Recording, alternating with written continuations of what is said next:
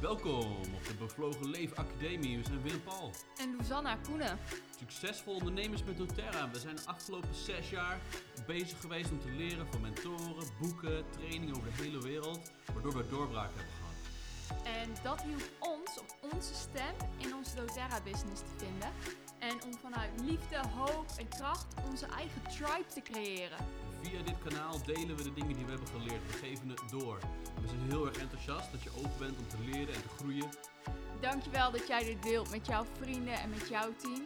En dat je er naar streeft om een betere versie van jou te worden. Laten we samen als tribe hoop delen met anderen. Hoop om lichamelijk, emotioneel, spiritueel en financieel gebied te groeien en te bloeien.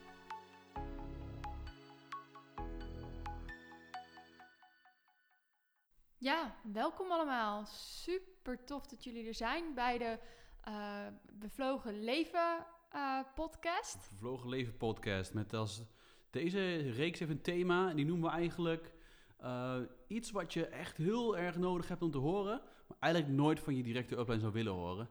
En we kunnen er eigenlijk niet echt een betere titel voor verzinnen, maar dat is wat het voor ons is. Dingen die voor ons echt super belangrijk waren om in te zien.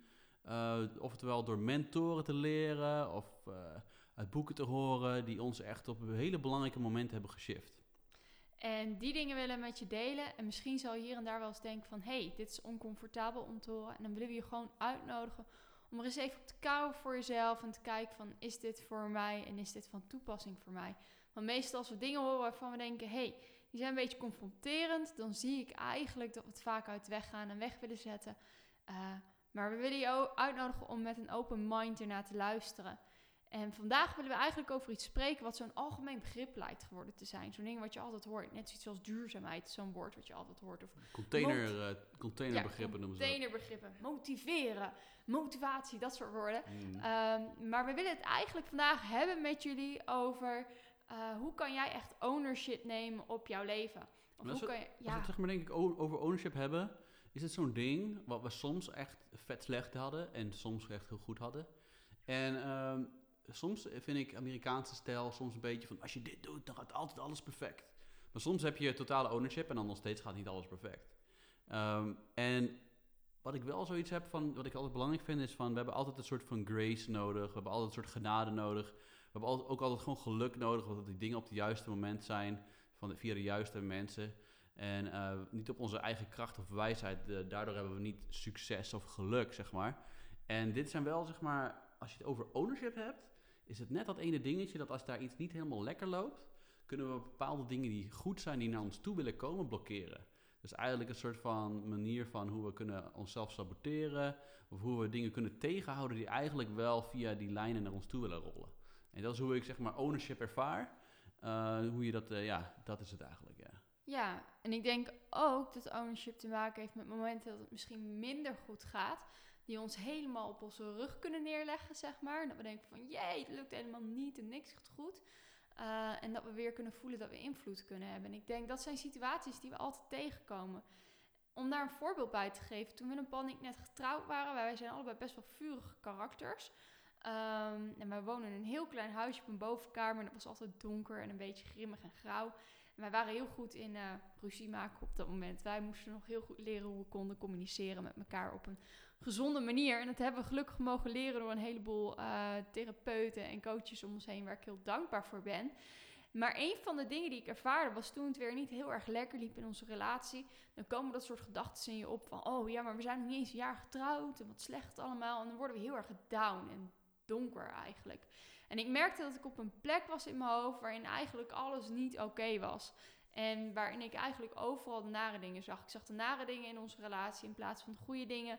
Ik zag het kleine huisje waar we in zaten. Wat rook naar sigaret omdat de onderbuurman rookte. En alles was verkeerd en fout. En um, ik weet nog wel dat ik een dag had waarvan ik dacht: jeetje man, als ik me hierop blijf focussen, ben ik gewoon vet niet happy. En dat wil ik eigenlijk helemaal niet. En ondanks dat de omstandigheden waren dat ons huisje klein was en dat het wel eens naar sigaretten rook en dat de badkamer vies was en dat we een panikkneusjes waren en communiceren, dus heel vaak ruzie hadden, um, besloot ik op een gegeven moment dat ik dacht: nee, ik wil gewoon gelukkig zijn. En ik ga ook gewoon gelukkig zijn. En ik weet nog dat ik in dat donkere kamertje stond en ik keek naar buiten en er scheen de zon. En het was echt midden in de zomer, dus de zon scheen al heel veel dagen. En dat ik dacht: weet je, ik ga gewoon weer dat licht uitnodigen in mijn geest. Ik ga gewoon weer focussen op de goede dingen. En toen ik dat ging doen, merkte ik dat dat uh, om me heen uitwerking had. Onder andere op onze relatie, uh, maar ook op hoe ik me voelde door de dag heen. En dat ook al kwam ik dingen tegen die niet lekker waren, ik focuste me op al het goede wat er was in mijn leven. En dat maakte me heel erg happy en gelukkig. En dat leerde mij eigenlijk een les. Een van de dingen die we altijd horen namelijk, is dat, ja, wat je wel eens hoort en wat gewoon een universele wet is, laat ik het zo zeggen, is zwaartekracht. Zwaartekracht valt altijd naar beneden. Als ik iets laat vallen, plop, dan zal het altijd op de grond terechtkomen.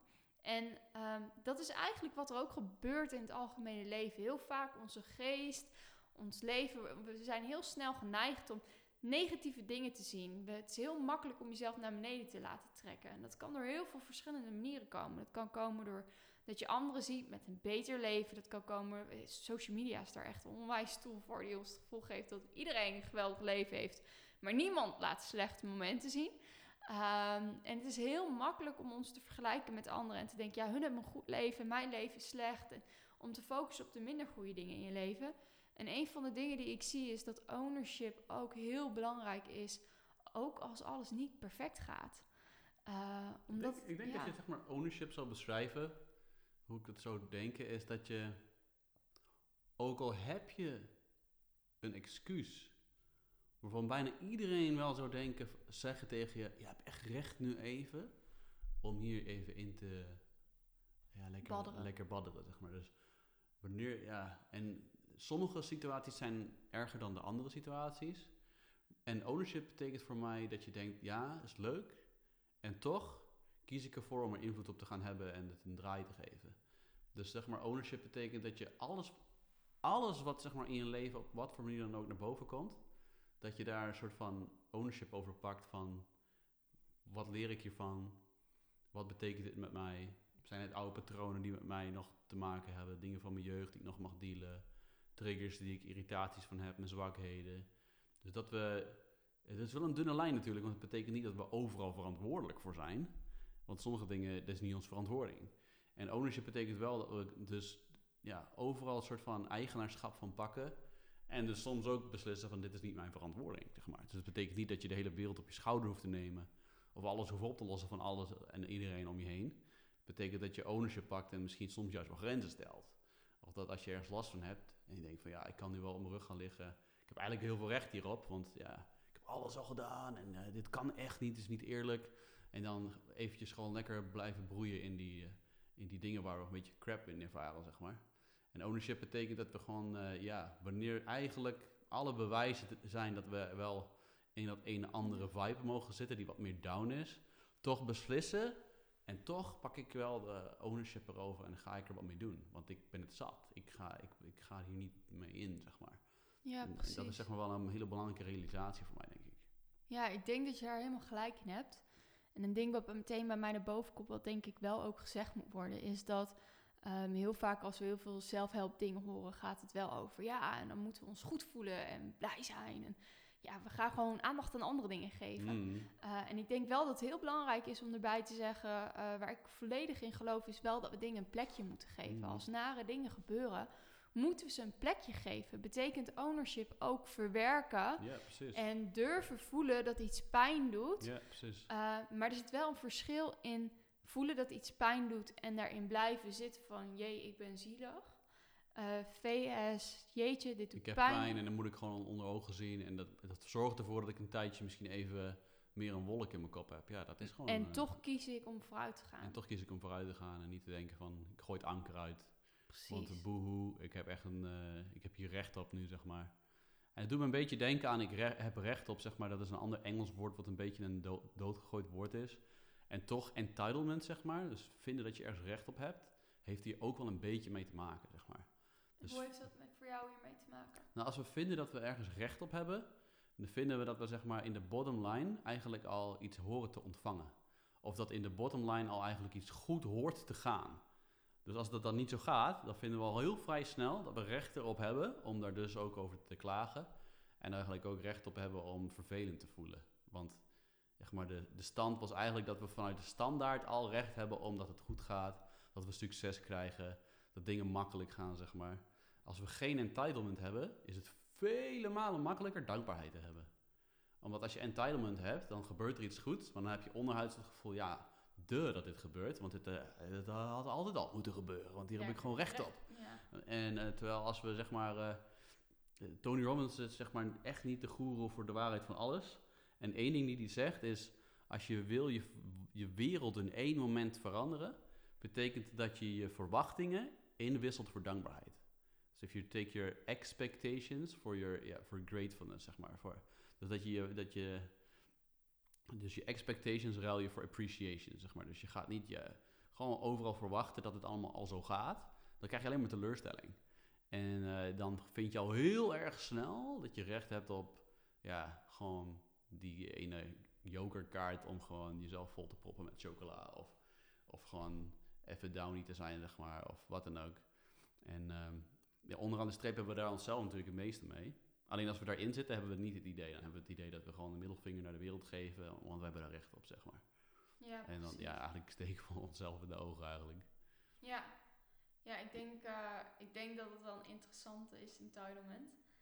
Ik, uh, ik zit ook te denken van, hey, weet je, hoe heeft ons dit onder andere geholpen in onze business? Om mm. onszelf even terug te trekken naar, ja, weet je, jullie zitten hier toch in, luisteren toch naar hoe pas ik toe, toe in mijn leven en ook in mijn business. Um, en ik denk dat als we kijken naar ownership in onze business, heb ik momenten gehad dat ik dacht van jeetje, het overkomt mij. Of jeetje, hoe ga ik hiermee om? Of ik heb het recht om. Uh, en op het moment dat ik in zo'n soort energie zat, ging de flow weg van mijn business. En merkte ik dat. Je verkrampt toch? Je, verkrampt en je gaat meer proberen hefbomen toch? Je probeert meer vanuit hefboom te dwingen of dingen voor elkaar te krijgen. Gewoon heel hard dingen te doen. Mm. Uh, zonder daarin echt te kijken naar wat is de flow van die ons wordt toegestaan. Ja, precies. Op dat moment is het ook super moeilijk ons te verplaatsen in een ander, wat die andermans behoeften zijn. Omdat we eigenlijk onszelf aan het verdrinken zijn in onze eigen verhaal, zeg maar. En dat is een super interessant moment wat je nu zegt. Want ik weet dat ik heel veel workshops heb gehad. Waarin de ene keer ik heel veel mensen enrolde en de andere keer helemaal niemand. En als ik erheen ging met de verwachting, ik moet veel mensen enrollen dan voelen mensen dat het voor jou is. Dus als die hmm. entitlement is van dit moet werken voor mij, want anders, dan ging, dan ging altijd de flow weg. Dus ik denk dat is wel een typische ding om te zien in je business. En tuurlijk kan er wel zijn dat een workshop niet enrolled omdat je misschien niet bij de juiste doelgroep zat, of omdat het gewoon even anders liep de avond. Uh, of omdat je misschien wel een te lang verhaal ophing, wat ik heel vaak heb gedaan. Uh, dat kan er allemaal mee te maken hebben. Maar een van de dingen die bij mij absolute energie uh, blokkeerde is wanneer ik vond dat er enrolled moest worden voor mij. Dus als wij mm. bijvoorbeeld voor een goal gingen en ik was heel erg gefocust op mijn goal en ik ging dan naar een workshop en dan had ik nog weet ik hoeveel PV nodig, dan um, hoeveel verkoop zeg maar, dan merkte ik dat het blokkeerde als ik focuste op wat ik nodig had in plaats van wat anderen nodig hadden. En ik denk dat daarin we ook ownership moeten nemen over onze eigen staat. Show, komen we echt om Ja, en dan is ownership denk ik inderdaad, om te, zeg maar niet ownership is gewoon, jeetje, wat een uh, knakengroep. En uh, die klas was niet goed voorbereid, ze waren zeker niet gesampled. En de host die, die, stelde me niet goed voor. En er was een hond die de hele tijd afleidde. En dan blijven we daarin zitten en dan voelen we eigenlijk dat we recht erop hebben. Toch, want we hebben hard gewerkt en het is niet gelukt. En ownership betekent dat je vragen stellen. Ze van, hé, hey, wacht even. Wat is er eigenlijk, wat is mijn aandeel hierin? En wat ga ik daaraan aanpassen, zeg maar dus dat betekent dat, dat is heel gevaarlijk, want als je, je kan ownership ook, voor, ook inslikken als schuldgevoel, toch? Dus van ownership betekent, ik heb, ben overal de schuld van, zeg maar. En dan, dus dan is ownership veel te pijnlijk. Dan kunnen we dat niet. Dus ownership betekent niet dat we oververantwoordelijk schuldgevoel hoeven te gaan dragen. Maar het betekent gewoon dat je gaat zoeken naar van waar heb ik nog meer invloed op? Hoe kan ik nog meer kijken van volgende keer, hoe kan ik zorgen dat ik misschien mezelf gewoon wat meer ontspannen heb van tevoren? Of dat ik even mediteer en probeer even mijn eigen zorgen te parkeren. En kan echt in mijn hart gaan focussen van... hé, wat zijn de behoeftes van de mensen vanavond? En dat eventjes te focussen, zeg maar. Dus dat je gewoon gaat kijken van elke... Want dan krijg je elke keer een leermoment... waar je heel veel invloed op hebt, zeg maar. Niet controle, maar je gaat dan steeds meer inzetten op, op invloed, zeg maar. Ja, en ik denk dat is ook het hele mooie over ownership nemen. We kunnen niet altijd de omstandigheden veranderen waar we mee te maken hebben. Soms zul je in een workshop komen en denk je, jeetje, ben ik nu beland? Ik heb op best wel bijzondere plekken workshops mogen geven. Soms zullen we op plekken komen waarvan we dachten, we gaan hier een business training geven. Jeetje, wat pakt het anders uit dan dat we verwacht hadden. En ik denk ownership is altijd kijken bij onszelf. Wat is wat ik hier kan brengen? Waar heb ik nog invloed op? Waar heb ik nog invloed op? Mhm. En invloed en controle zijn twee totaal andere dingen. Ik denk, daar kunnen we een hele podcast over vol kle- kletsen met elkaar. Mhm. Maar dat we kijken van, hé, hey, hoe kan ik iets goeds brengen vandaag? Hoe kan ik een stukje helpen?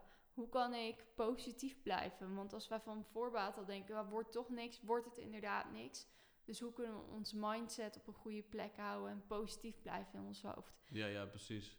Dit is gewoon een, eh, een, een quote die eh, een Nederlandse guru wel ge- vaak gebruikt. Eh, hoe heet ik weer? Hilco? Nee, een andere Ben. Tichelaar. Nee, is een andere weer. Maar hij zegt, hij heeft zo'n afkorting en hij zegt... ehm, if it is to be, it is up to me. Dus zeg maar, als je zeg maar dat in je mind hebt... dan ga je altijd vragen stellen van wat, had ik, wat kan ik... waar heb ik nog meer invloed op waar ik nog niet over nagedacht heb? Of waar heb ik nog een schaduw of invloed... wat ik eigenlijk misschien niet durf te zien of kan zien nog? En dat dat ook oké voor je is, zeg maar. Dus dan pak je zoveel ownership. Dat is ook gewoon hoe wij starten toch? Toen we met doTERRA startten... Toen, weet je, waren er misschien 30 mensen enrolled in heel Nederland. Versus nu in 2019 15.000 of zo. Gewoon, was helemaal niks. Modern Essential boeken moesten uit Amerika laten komen met, weet ik veel, 100 euro shipment kosten. Ehm waren niks vertaald in het Nederlands. Betaling was echt hoofdpijn, gewoon alleen met creditcard en wire transfer. Er waren mensen meer aan het vertellen over hoe zo'n creditcard Ja, joh, af en toe dacht ik van, ben ik, eh, ben ik over olie aan het onderwijzen of over creditcard aan het onderwijzen? Omdat je iedereen probeerde creditcard aan te praten. Maar gewoon, ehm, ja, dan is gewoon, toen waren er zoveel excuses die we hadden kunnen gebruiken waarom het eigenlijk niet kon, niet mogelijk was. En het ging ook heel langzaam. En iedereen in onze omgeving zei, ja, dit kan nooit in Nederland, want kijk maar, nog niemand heeft het gedaan in Nederland. En dat zijn hele heftige dingen, want die emoties ga je ook zelf voelen. Soms ga je ook, als je het even tegen zit, ga je die praatjes ook in je eigen hoofd horen. En dat hebben we zeker ook En dat je denkt, weet je, ik ga echt kappen gewoon. En dan, ja, dan is de ownership die wij pakten, is van, hé, hey, wacht, we hebben niemand in Nederland waar we die klik mee voelen om aan op te trekken. We gaan iemand zoeken buiten Nederland en dan gaan we met meeten af en toe. En mensen die ons, zeg maar, uitdragen, weet je wel. Dus niet mensen die ons bevestigen in onze ellende. Of ons bevestigen van, ja, het gaat heel moeilijk of het is heel lastig. En daarin blijven, want daar hebben we recht op. Want ja, iedereen voelt dan een soort... Als iedereen dezelfde entitlement voelt, of als iedereen dezelfde soort van victim ding voelt, dan voel je gewoon gerechtvaardigd om daarin te blijven. En dan is het best wel intens om mensen te zoeken die dat niet hebben. En dan word je altijd geconfronteerd, toch, met jezelf. Ja, Dus dat is die ownership ook, denk ik, om dan gewoon te zoeken van, maar welke mensen kan ik op gaan zoeken? En dat is altijd een mogelijkheid, want we hadden helemaal niet veel geld toen. En we gingen gewoon elke drie maanden in het buitenland ontmoeten. En heel vaak was het echt gewoon, dat kon allemaal maar net. Maar dat, was we, altijd spannend. als we dat maar gewoon, als we dat niet gedaan hadden, waren we nooit waar we nu waren. En ik denk dat het wel belangrijk is om jullie een heel compleet plaatje te geven. Ik hoor mensen wel eens roepen, ja, ik stop ermee, want ik vind het te moeilijk. Dat hebben wij absoluut ook wel eens geroepen. Hmm. Ik weet dat wij Super een vaak. upline van onze post terugspraken, Dave Miller. En die zei, ja, ik weet nog, jullie waren zilver en we hadden jullie op een call. En jullie zeiden, ja, kapper ermee, het werkt toch niet in Nederland. Ik kon het niet meer herinneren. En ik kon het me niet meer herinneren, nee. Maar ik denk het is belangrijk om te weten, we zijn absoluut niet altijd perfect geweest op dit vlak. Maar dit is een gebied waar we heel veel onszelf hebben mogen trainen. En dit is iets niet, wat niet altijd meteen perfect gaat. Maar misschien ga je nu zo meteen, nu in deze eh, call hebt geluisterd, wel denken van...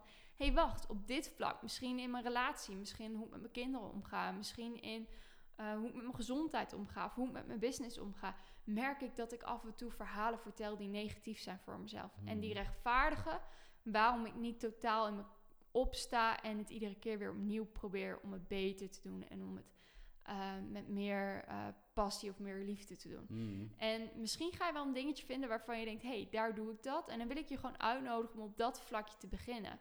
En heel vaak als we ergens mee starten, dan hebben we het, ja, wat een fuck effect, laat ik het zo zeggen. Ik wil eigenlijk niet vloeken, wat een piep effect, laat ik het zo doen.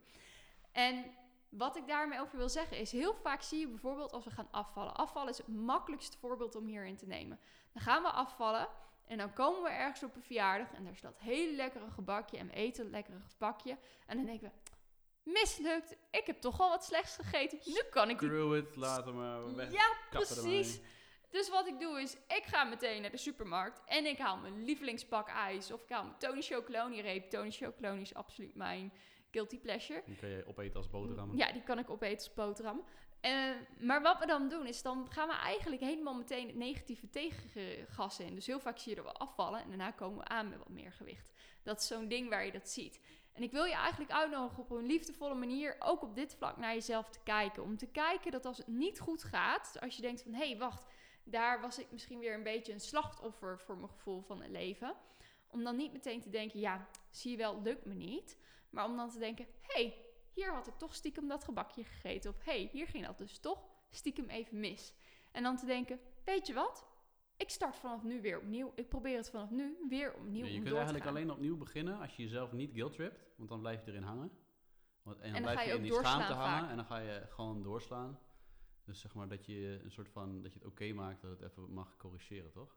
Ja, dat wil ik echt meegeven Ja, precies. Ja, dat is heel belangrijk. En iets wat ik zelf ook heel erg heb, is dat uh, wanneer je bezig bent met jezelf te ontwikkelen en ownership te pakken, dan helpt het heel erg als je erkent dat er dingen zijn die je niet weet, die je nog niet weet.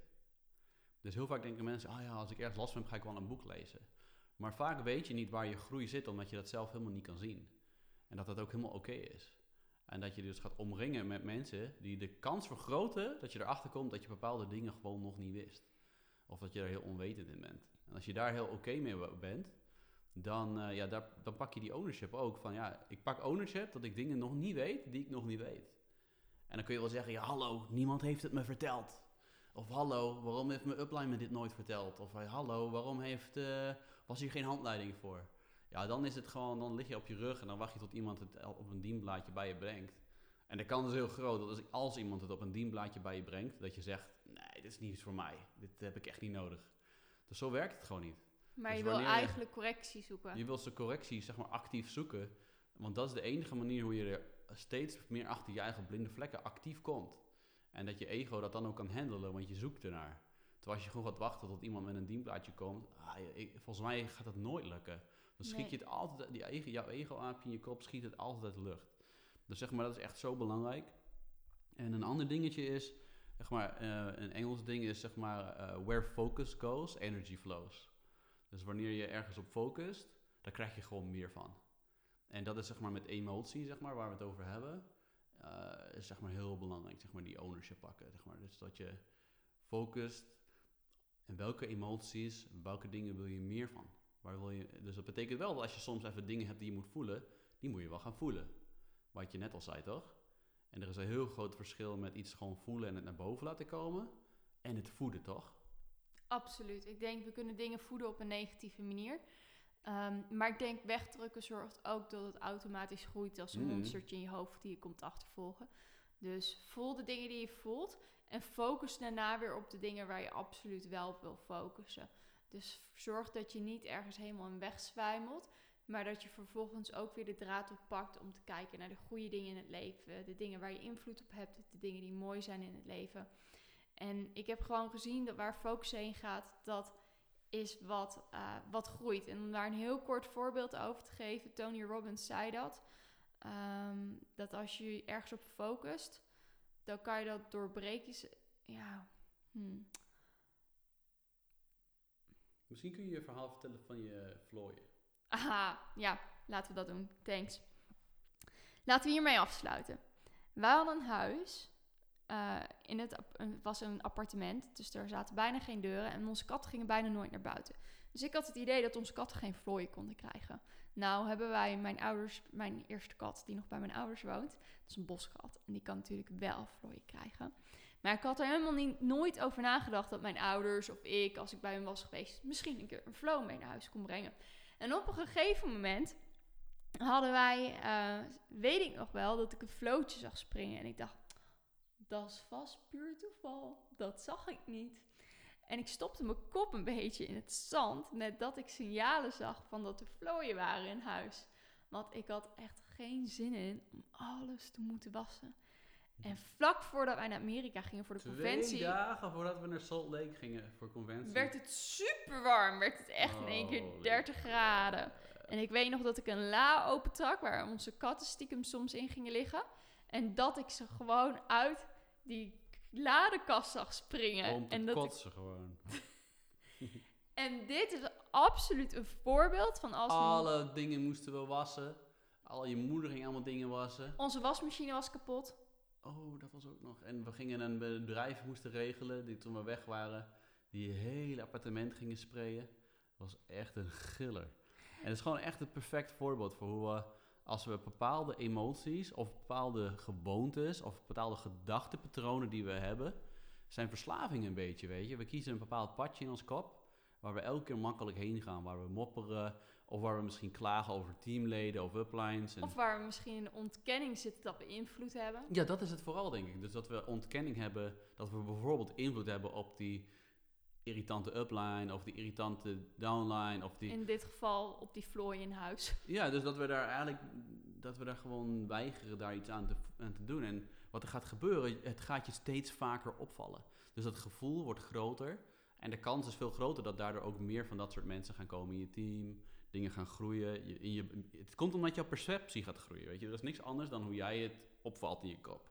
Maar als je daar niet even de riemen aanpakt en be- begint vragen aan te stellen die ook kritisch zijn aan je eigen indrukken, dan kan je zeg maar zorgen dat het nog kan veranderen. Dat je heel veel invloed op kan hebben, zeg maar. Dan pak je die ownership. Terwijl als je gewoon weten. lekker gaat dobberen omdat je denkt, ja hallo, ik heb echt wel vet recht om hierop aan te irriteren. Want het is gewoon niet eerlijk wat er gebeurt. Dan ga je eigenlijk met het bootje gewoon steeds meer jezelf toestemming geven om gewoon te voelen dat iemand jou wat aandoet. Waardoor je eigenlijk het recht hebt om naar te voelen, of machteloos te voelen, of slachtoffer te voelen. zeg maar. Ja. En ik denk dat dat iets is wat heel duidelijk naar voren komt vandaag. Dus kijk voor jezelf waar jij je focus kan verbeteren. Waar je zo- feedback kan zoeken. Zeg maar, dit klinkt misschien als een soort van. eh, het is eigenlijk de meest hoopvolle boodschap die er is. Dus het betekent niet dat je vindt dat je bent een. Betekent niet dat je de schuldig bent of de dader bent over heel veel dingen waarvan je dacht: hallo, iemand anders is daar de dader van. Maar het betekent dat je echt zoveel meer invloed hebt om een leven te krijgen wat je hoopt te hebben. En dat is, super hoopvol, toch? dat je gewoon een business kan hebben. je kan een hoopt business hebben wat je hoopt te hebben, een leven kan hebben wat je hoopt kan hebben. Je kan omringen met mensen waar je gewoon vrolijk en blij van wordt en die jij hoopt te hebben. Dus het is eigenlijk zo ontzettend hoopvol, want er zijn zoveel meer dingen waar je ownership over kan pakken. Zonder dat je daardoor hoeft te verkrampen, maar waar je echt zoveel eh, invloed en vrijheid door voelt, zeg maar. Ja. Dus dat is eigenlijk echt de, de bottom line van deze, deze call. Eh, we, zetten, ze- we zetten ze ook op bevlogenleven.com. Op Spotify kun je hem terug horen op Bevlogen Leven Academie. En eh, super thanks voor het luisteren. Ja, we hopen dat jij er veel aan hebt. En als je zegt, ik heb hier wat aan, deel het vooral met de mensen waarmee je werkt. Die kunnen binnen doTERRA zijn. Je kan ook zeggen, misschien heeft mijn vriendinnetje dit ook wel even nodig. Voel je vrij om het dan ook te delen. En eh, dank jullie wel. Hatsa! Tot de volgende keer.